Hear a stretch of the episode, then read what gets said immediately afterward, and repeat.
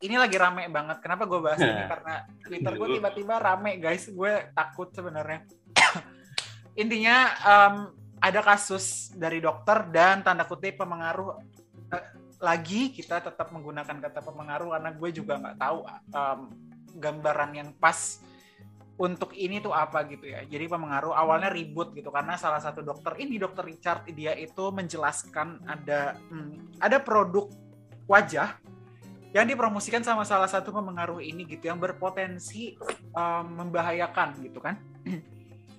Dan entah kenapa si pemengaruh ini ngerasa respons artinya dia ngerasa dia tersindir ya gue nggak ngerti ya awal-awalnya. Tapi di situ secara umum gue memahami terjadi pertikaian gitu antara apakah valid apa enggak nih gitu kan. Mereka pokoknya kan sampai berantem tuh sampai berapa kali mediasi gitu kan tapi ternyata tetap nggak berujung juga ternyata ujungnya adalah kemarin dokter Richard Lee ditangkap yang diduga secara paksa gitu diduga secara paksa gitu kan tidak melalui SOP gitu kan dan tadi dan dan awalnya dari berita yang gue baca itu awalnya itu karena UU ITE gitu yeah. hmm. gue nah. merespons gue merespons di Twitter gue bilang gue nggak tahu ya menurut teman-teman pembahasan gue apa diksi gue itu sudah tepat untuk digunakan tadi gitu teman-teman mungkin sempat baca intinya gue menjelaskan bahwa ada seorang dokter yang yang ya, yang tadi intinya gitu uh, yang ada seorang dokter hmm. yang ahli di bidang ini gitu mengedukasi masyarakat dan malah dia yang ditangkap gitu. Nah, um, gue mau ngelihat kita ke Prasno dulu. Nanti dari segi komunikasi gue akan tanya ke Andrew. Dari Pras ini sebenarnya secara legal ini gimana sih sebenarnya yang terjadi? Hmm, jadi ini kalau gue ngelihat ngeliat-lihat di pemberitaan yang ada, dia itu kan ditangkap. Hmm Ber, alasannya karena uh, penghil apa dikenainnya pakai pasal 30 UU ITE, pasal 30 ayat 1 hmm. dikenainnya.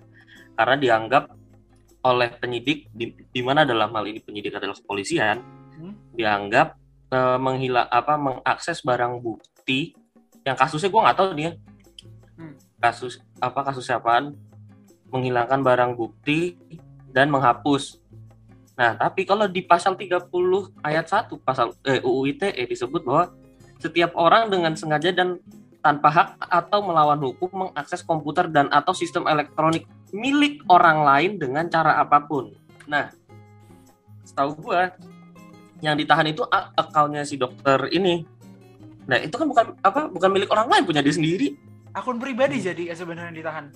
Nah, iya. Nah, kalau gua ngikutin dari tweet dosen gua ya, dosen gue pidana dulu Bang Ganjar bilang kalau penghilangan bukti pun penghilangan barang bukti bedakan ya barang bukti dan alat, alat bukti. Penghilangan barang bukti pun ini merupakan uh, alasan penahanan bukan penangkapan. Itu dua hal yang berbeda. Hmm. bedanya ini gimana jadi lucu juga lucu sih. Iya. kan penangkapan terus juga katanya penangkapan ditanya apa nggak ngasih tahu dan nggak dikasih lihat surat. Kalau lu nih kasih tahu dia kalau lu ditangkap lu tuh punya hak untuk pertama minta ditunjukin dulu suratnya surat penangkapannya. Apa? E, dugaan tindak pidana apa tuh? Nggak harus pidana sih mungkin. Gua, gua, kurang hafal soal hukum acaranya. Tindakan pelanggaran ap, pelanggarannya apa itu harus tertera di surat penangkapannya. Hmm. nah ini kan lucu ya kok kok dikena apa ditangkap bukan ditahan dan nggak dikasih. Iya dan dan yang gue dengar ya itu makanya gue sebut diduga ya.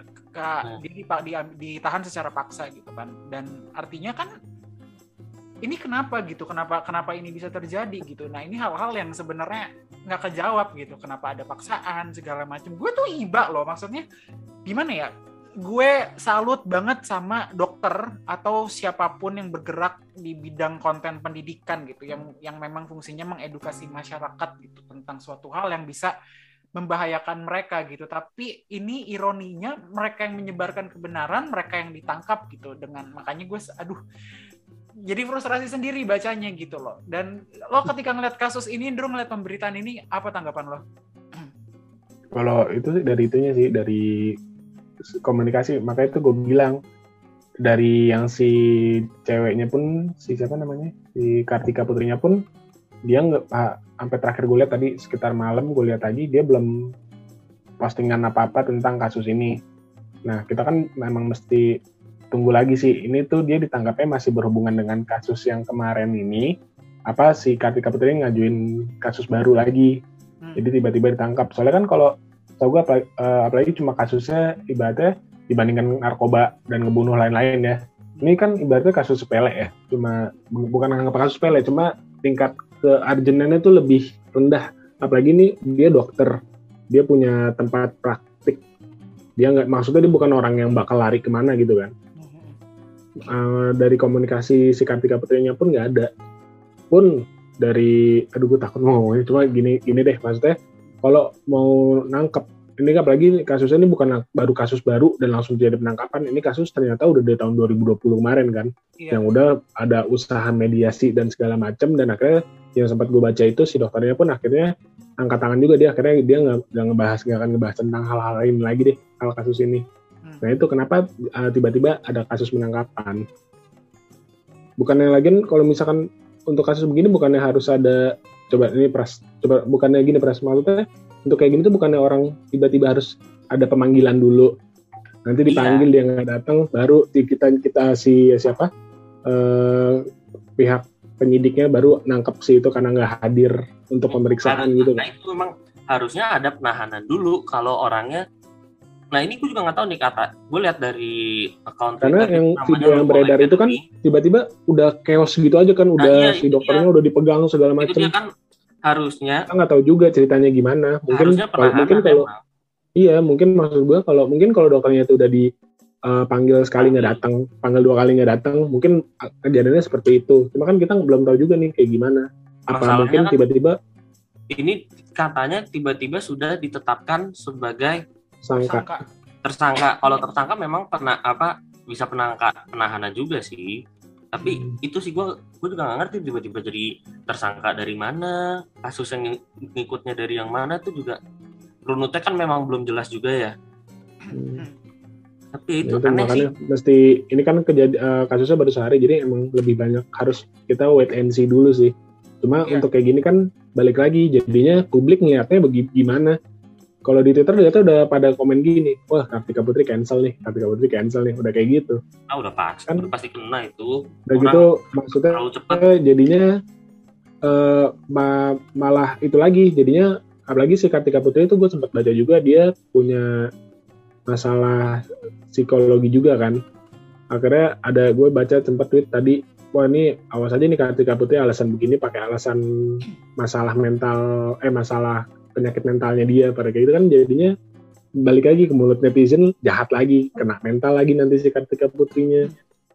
Terus nanti Dan dia apa um, gue kan mencoba membuat summary ya intinya kayak uh, meringkas gitu sebenarnya apa yang terjadi. Yang gue tweet kan ini udah 4000 ya 4620 dan 766 yang nge-retweet jadi sayang gini, tweet lo bagus tapi sayang yang tweet pertama sama kedua nggak nggak lo reply jadi nggak ngecen tuh padahal kalau ngecen lebih bagus lagi hmm. impresinya gede sar hmm. karena enggak karena okay. karena gini karena kayak dua hal ini dua hal yang berbeda gitu satu itu hmm. gue menjelaskan apa yang terjadi sama dokter Richard Lee cuitan yang kedua itu pandangan gue pribadi oh. tentang tentang influencer nah, sebenarnya itu gitu nah yang pertama itu sebenarnya kan gue gue nggak gue nggak cuit gini Kartika Putri menjual produk wajah yang dianggap berbahaya untuk masyarakat disampaikan oleh seorang dokter yang ahli dalam bidangnya. Eh, hmm. ahlinya malah ditangkap mencemarkan nama baik, nama baik menggunakan UU ITE. Udah gitu ditangkapnya diduga melanggar SOP. Dan sejujurnya saat gue hmm. nulis itu pun gue berhati-hati sama bahasa yang gue gunakan gitu kan. Dan gue nggak tahu kenapa banyak yang lihat gitu, banyak yang lihat dan gue shock. Dan tentu ada yang ngebelain juga ya. Hmm. Ada yang bilang gini, dia tuh nggak ngejual, dia di endorse. Iya, dia, endorse logikanya gini loh. Ketika lu oh, di, lu nggak endorse, lu sepakat untuk menjual gitu kan? Untuk hmm. menjual produk tersebut ke halayak banyak gitu. Orang paham gak sih sebenarnya arti yeah, endorse yeah. apa gitu? Kita nggak endorse oh. sesuatu gitu. Artinya kita mendukung. Endorse itu bisa kalau dalam bahasa Indonesia bisa bisa juga dukungan gitu kan, memberikan dukungan. memberikan dukungan untuk produk tersebut. Artinya secara nggak langsung pun walaupun dia mungkin nggak ngejual, tapi kan dia secara nggak langsung itu terlibat dalam um, cara marketing gitu, Andrew. Gitu. Hmm. Dia eh, menjual, sorry, dia menjual secara itu... tidak langsung. artinya Komentar dia memberikan afirmasi bahwa produk tersebut bekerja.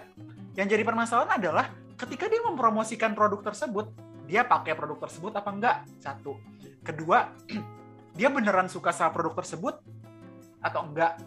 Gitu loh. Dan hal-hal ini kan enggak karena kebanyakan pengaruh kan ketika udah yang penting duit gitu. Mau apa yang dipromosiin kayak gitu. Ntar ketika kena kasus ujungnya alasannya nggak tahu. Bukan punya saya. Nah, kan kayak lu tuh meng, lu tuh memberikan afirmasi gitu. Lu memberikan afirmasi bahwa produk tersebut lu gunakan gitu. Makanya kata endorse tersebut nih kadang suka disalahgunakan juga sama orang gitu loh nah gimana Drew lihat ini. Eh, sorry sorry. Nggak bawa moralat bukan itu kalau saya gue komentarnya itu ada yang ceritanya gini deh yang di lo tuh.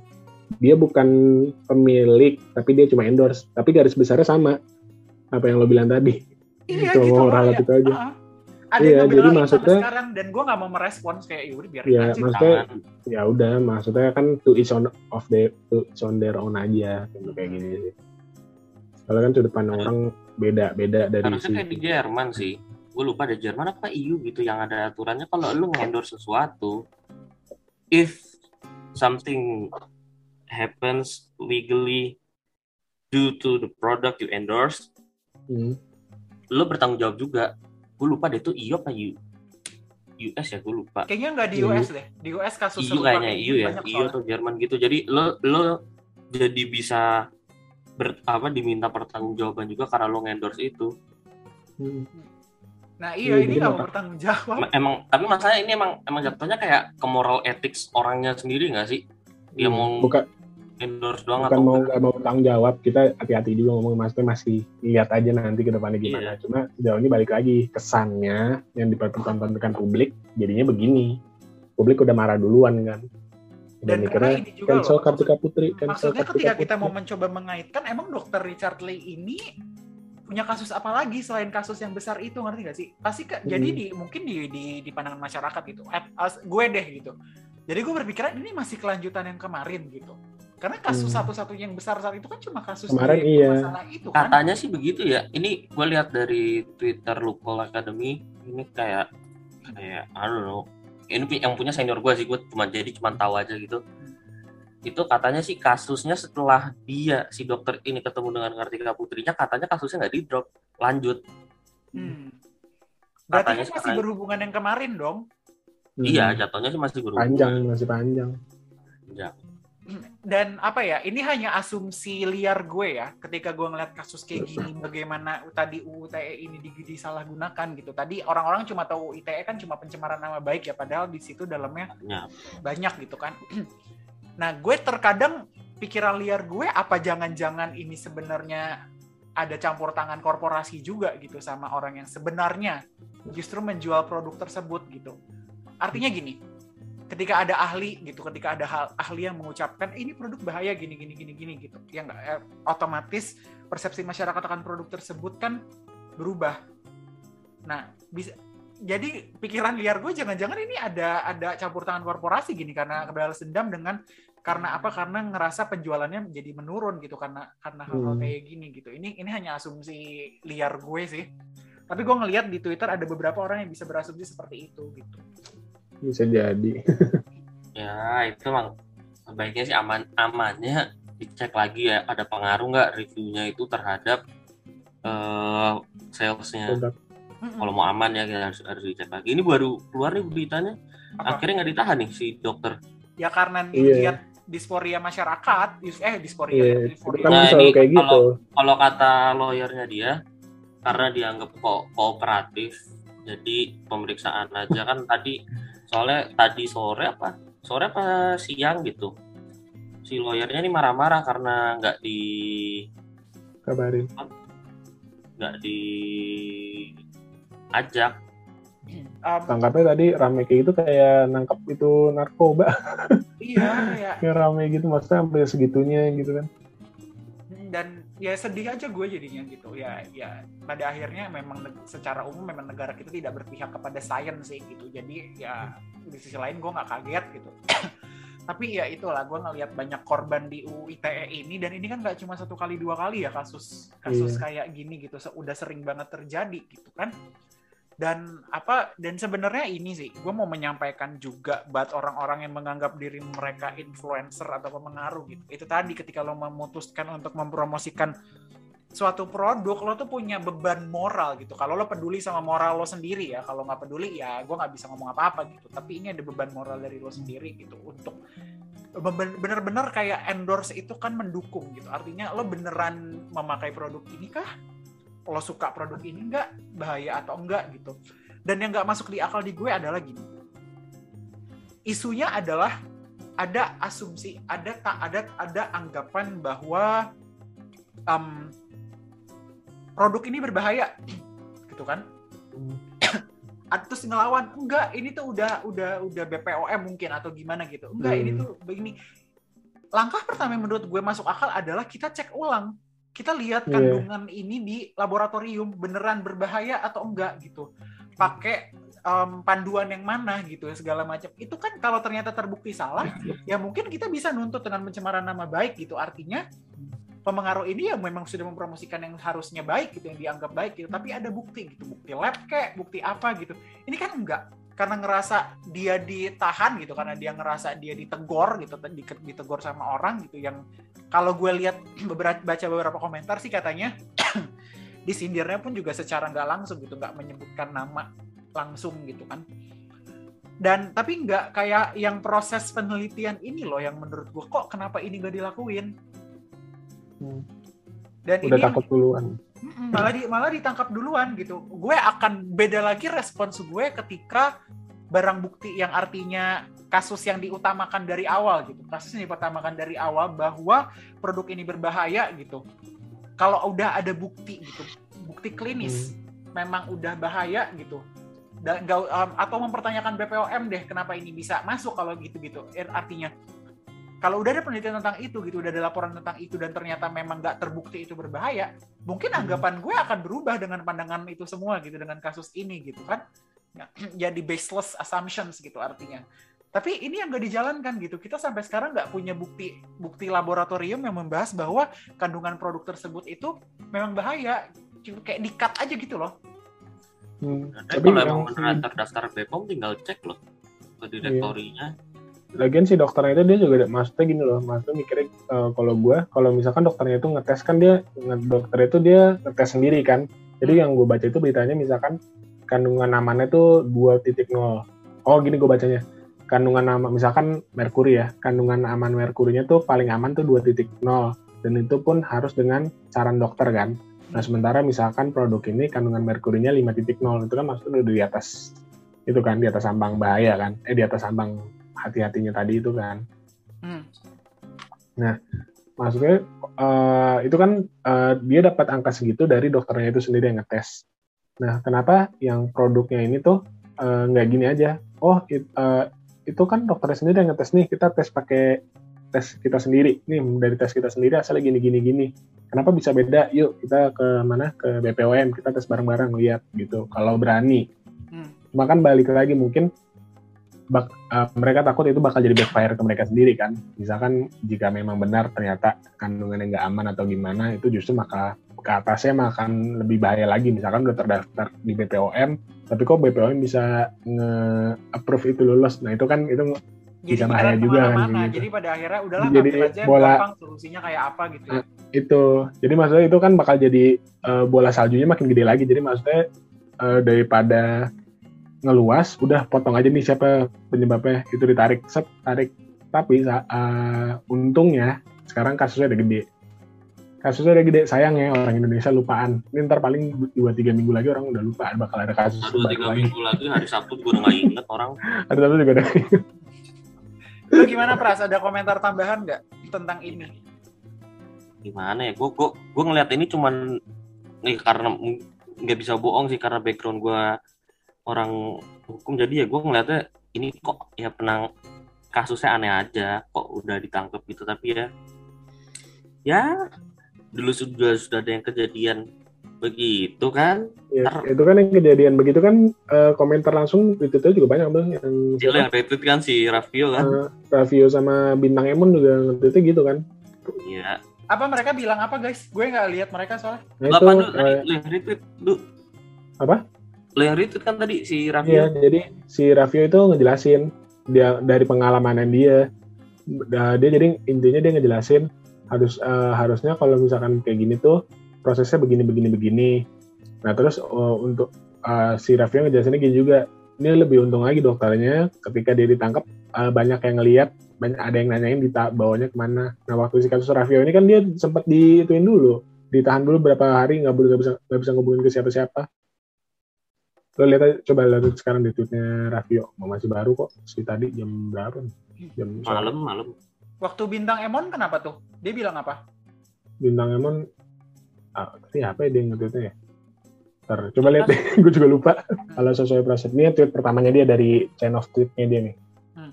Jadi uh, flashback aja Raffio waktu itu sempat ditangkap karena masalah beginian juga lah. Dia dikenain UITE juga dan akhirnya dia uh, setelah dibantuin akhirnya bisa keluar lepas. Jadi gini, tweet dia pertama, kalau sesuai prosedur, keluarga mestinya nggak perlu nanya alasannya apa dan dibawa ke mana. Karena membawa orang secara paksa itu harus ada dokumen-dokumen yang jelas. Ada hmm. kewajiban memberitahu informasi ke orang yang dibawa paksa dan juga keluarganya. Ini yang tadi si uh, Pras ngomongin dan sempat kita ngomongin kan. Hmm. Dari ada dok, uh, surat penangkapan segala macem. Nah sementara dari video yang kita dapat udah tiba-tiba udah chaos aja jadi mungkin dari video yang kita lihat juga belum nggak mencakup keseluruhan. Ini benefit of the doubt aja lah. Hmm. Terus uh, tweet selanjutnya si Raffio, sebagai warga kita jadi serba salah. Teorinya kita punya hak menolak di bawah paksa kalau tidak ada surat-surat dan abai prosedur. Ini tadi Prasu juga ngomong. Jadi misalkan tiba-tiba ada yang datang, uh, bilang tangkap-tangkap aja, nggak ada surat nggak apa, kita sebenarnya bisa dong. Nah tapi salahnya nih realitanya mau hafal KUHP pun nggak ada arti karena petugas akan berkilah yang bersangkutan melawan kita akan diperiksa. Dianggapnya kita nggak akan nggak kooperatif bahasanya kan ya nggak sih? Iya. Nah terus nih nextnya nih si Raffio uh, tweet lagi. Belum lagi kalau sampai mengalami manhandling dan dipaksa patuh di bawah tekanan. Dalam kurung matian atau ditodong senjata. Keluarga nggak tahu dibawa ke siapa ke mana dalam rangka apa dan nggak dapat pendampingan hukum. Ini yang terjadi sama Raffio nih. Terduga korupsi jauh lebih dihormati. Ada pemanggilan dan didampingi pendamping hukum. Ya nggak sih? Kayaknya kalau uh, korupsi dibilangnya gitu kan ada pemanggilan. Ya. nah terus dalam pengalaman gue bikin frustasi kayak dikerjain kata Raffi. Gak pernah terima surat apa pun jadi di, gak tahu dibawa siapa kenapa sebagai apa. Terus gak ada pemberitahuan ke keluarga atau kerabat. Nah terus saat dia ditahan nih si Raffio dia minta hak mengacara ditanya surat kuasanya mana. Padahal kan dibawa paksa dadakan waktu iya, dia. betul. Hmm. Nah terus waktu di itu dia selama sendirian diperiksa dia dipaksa ngaku. Jadi harus pandai baca situasi katanya teorinya nggak perlu jawab apa pun tanpa penasihat hukum ya kan? Kalau di film-film Amerika kan gitu kan uh, I played the fifth. Jadi maksudnya ya udah uh, nunggu aja nunggu. Masalahnya itu sih banyak yeah. orang Indonesia yeah. yang menyamakan emang hukum. tahu gue emang lo punya hak untuk didampingi pengacara tau. Gue gue nggak apa lo hukum acara gue jelek. Uh, gue nggak apal pasalnya tapi aturannya dasarnya apa tuh ada. Nah bisa ditemenin sama pengacara kita atau penasihat hukum itu dari kapan itu beda lagi. Itu ada ada ada selahnya gitu loh kapan kita bisa ditemenin. Kan apalagi kalau kita ngaku-ngaku lead the fifth nggak berlaku itu itu amandemen itu, iya maksudnya itu cuma itu aja gambaran. Ya maksud gua orang Indonesia tuh juga jangan sampai salah. Orang Indonesia tuh banyak yang sok-sok ngomongin sok sok sok, sok tahu soal hukum tapi lu ngikutinnya dari film. Kan sistem hmm. hukumnya beda ketentuan beda, hukumnya iya dari oh, apa dari kayak, kayak kemarin oh, kasus saudara aja kan begitu orang sosok bawa. Nggak apa-apa kok ini legal. Eh kalau apa ada yang legal bilang legal mana? Udah legal lu, lu lu hidup di mana sih 18 hmm. itu usia oh. usia dewasa lu tanya lu kuliah di mana? Iya makanya. Oh nih yang tweetnya si bintang emon nih. Oh jadi yang bintang emon dia tweetnya satir sih Berkat UITE, produk aku yang kurang oke bisa aman dari review jujur yang nggak sesuai hatiku. Terima kasih UITE. Ditangkapnya juga prosedurnya kocak kalau ngelawan langsung kena pasal melawan petugas. gue gue tuh gue berani banget. Kalau dari segi bahasa ya, gue tuh gue gue seneng banget sama bintang Emon sumpah. Itu dia lebih berani lagi sih, Sar. Maksudnya dia udah kalau dia tersinggung ya berarti itu sebenarnya yang nggak ngerti satir. Itu fungsi satir ya? Satir nama sarkas. Satir harusnya, harusnya fungsi satir begitu. Hmm. Kayak ya orang kan anggap oh ini sarkas ya sarkas. Di Indonesia sarkas. satir sama sarkas itu dua hal yang berbeda soalnya. Jadi... salah itunya, salah tanggapannya. Oke, okay, uh, eh, kesimpulan yang gue ambil adalah pada akhirnya nggak perlu bertele-tele sebenarnya pun kita juga udah bisa narik benang merah awal kasus ini dari mana itu satu ya kan? Dan kayaknya nggak perlu gue jelaskan awal kasusnya dari apa gitu. Karena yeah. dok dokter Richard Lee ini setahu gue gitu kan gue nggak mau bilang ah mau kurang riset ini. Makanya gue bilang setahu gue iya. gitu. Setahu gue dia hanya punya satu kasus yang terjadi dari tahun lalu gitu kan. Dan hmm. anggapan gue tuh udah selesai ternyata masih berlanjut gitu kan. Dan um, apa gue nggak menyalahkan masyarakat yang tiba-tiba marah gitu. Karena mereka paham gitu. Artinya paham cuma satu kasus yang kena gitu loh. Cuma satu kasus yang jadi permasalahan dari dulu gitu kan. Makanya langsung menuju ke Kartika Putri gitu. Kartika Putri itu. Hmm, langsung pada rame gitu. Katanya di videonya sempat nyebut kata karput karput gitu ya? Iya mungkin ya. Gue nggak tahu sih. Uh, orang asumsi Kartika Putri gue gue tadi lihat berita atau apa siapa? Oh iya iya. Di berita tuh ada yang bilang Karput itu kan garis Kartika Putri bisa kar siapa gitu gitu tapi kan bisa bisa aja dia mau ngomong kaput ini itu itu hanya silat bahasa aja sih. Terkadang iya. kita bisa mengubah opini orang itu hanya dengan silat bahasa gitu. Itulah fungsinya ilmu retorika. Dan itu yang sering terjadi sama politisi kan untuk mengubah iya. keadaan gitu. Cuma artinya adalah kalau gue memandang sisinya itu ya itu tadi kalau memang diduga tidak sesuai SOP cobalah dijelaskan ke kami kami nih yang nggak tahu gitu. Apa yang terjadi? Hmm. kenapa bisa tangkap kayak gitu? Apa seperti apa gitu kan? Jadi lebih melek gitu. Jadi untuk orang-orang yang berasumsi kayak gue gitu gue berasumsi apa yang terjadi melek hukum juga gitu loh. Karena pada akhirnya pengetahuan tentang hukum itu senjata loh beneran. Dan bahasa sama hukum ini berkaitan gitu. Makanya akhir-akhir ini gue tuh sering banget ikut webinar yang hubungan bahasa sama hukum gitu. Karena pekerjaan gue juga ada sedikit banyaknya terlibat untuk urusan itu gitu. Jadi gue lebih melihat secara prosedural aja sih apa yang harusnya kita bahas gitu. Inti masalahnya produk kenapa jadi ke mana-mana gitu. Kenapa kita nggak nyari produknya ini dibuktikan dulu kalau ternyata terbukti itu aman gitu kan Hmm. Kenapa? Baru deh lanjut tuh kasus itu kan sebenarnya lebih masuk akal di kepala gue. Tapi ya itulah realitanya. Silakan uh, Prasno ngasih kesimpulan tentang kasus ini. Ya, jadi tahu kan kalau sebenarnya emang terlalu banyak. Kalau menurut gue, gue sebagai orang apa sarjana hukum yang tidak suka dengan sistem hukum apa dengan sarjana hukum di Indonesia adalah percuma kita ngajari apa kalau pakai bahasa hukum untuk ngedukasi orang biar tahu soal prosedural gimana, peraturan gimana kalau nggak menggunakan bahasa yang mudah dimengerti orang sehari-hari. Hmm. Cuma emang pendidikan hukum itu nggak bisa. Kalau lu cuma buat sarjana iya pakai bahasa keilmuan, tapi gak, kalau untuk ke publik lu harusnya bisa pakai harus komunikasi dengan bahasa yang sehari-hari juga lah. Betul betul betul dan literasi hukumnya juga kita rendah. Kayak itu aja pas yang lo bilang. Lo kan sempat kecet orang-orang kenapa marah nggak uh, apa si Juliari? Nah, iya uh, komentar gitu. Padahal kan emang emang playboy fungsinya begitu lo. Playboy itu dari ngadu, ngadu ngadu putus urat malu. Jadi kalau hmm. ada yang lo misalkan dia orang kayak kasusnya Juliari gitu. Dia terdakwa apa kasusnya korupsi ya kalau dia minta bebasin ya namanya playboy terserah lah apalagi kalau yang marah-marah sarjana hukum balikin gelar lu sumpah malu-maluin. Iya ya, ya itu tadi gue lucu aja ngeliat apa eh, apa sih bener juga perasaan ngomongnya gitu maksudnya. Ya namanya pledoi kayak lu berarti lu minta belas kasihan hakim lu mau pakai bahasa kayak apa ya gimana ya terserah lo yang yeah. justru yang nanti jadi masalah kan harusnya uh, gimana proses hukumnya berjalan itu kan yang harus diomelin harusnya. Oke Andrew lo ngelihat kasus ini apa kesimpulan lo ke ya itu komunikasinya aja sih. Kan nggak jelas tiba-tiba ada penangkapan nggak ujuk-ujuk viral gitu kan. Untung aja kasusnya viral. Jadi maksudnya orang sengaja notice ini kasus kalau nggak viral kan tiba-tiba di penjara aja kan. Orang nggak nggak yang tahu kan. Dan terus itu maksudnya kalau uh, balik lagi kayak yang tadi lo bilangin uh, dari segi handle handlingnya gimana sih kalau punya masalah kayak tadi misalkan lu dianggap produk lu tuh begini ya lu buktiin lah produk lu nggak begini gitu. Jangan burden of proofnya ke orang yang bukti yang itu yang ngomong ke lu lu yang harus buktiin sendiri bahwa ini produk gua aman kok gitu hmm. lu harus berani kayak gitu. Ada perbandingan jadi gitu loh itu yang maksudnya mau gue sampaikan. Hmm, yang lo bilang tadi Dan mengenai cuitan gue sebenarnya gue hanya merangkum apa yang terjadi dengan 180 karakter sih. Jadi ya itu ke teman-teman yang terjadi. Terus um, oke, okay, Pras, Andrew makasih banyak udah mau ngobrol sama gue oh. malam hmm, ini hmm. karena uh, maaf banget nih gue ganggunya malam-malam gitu. Ini santai.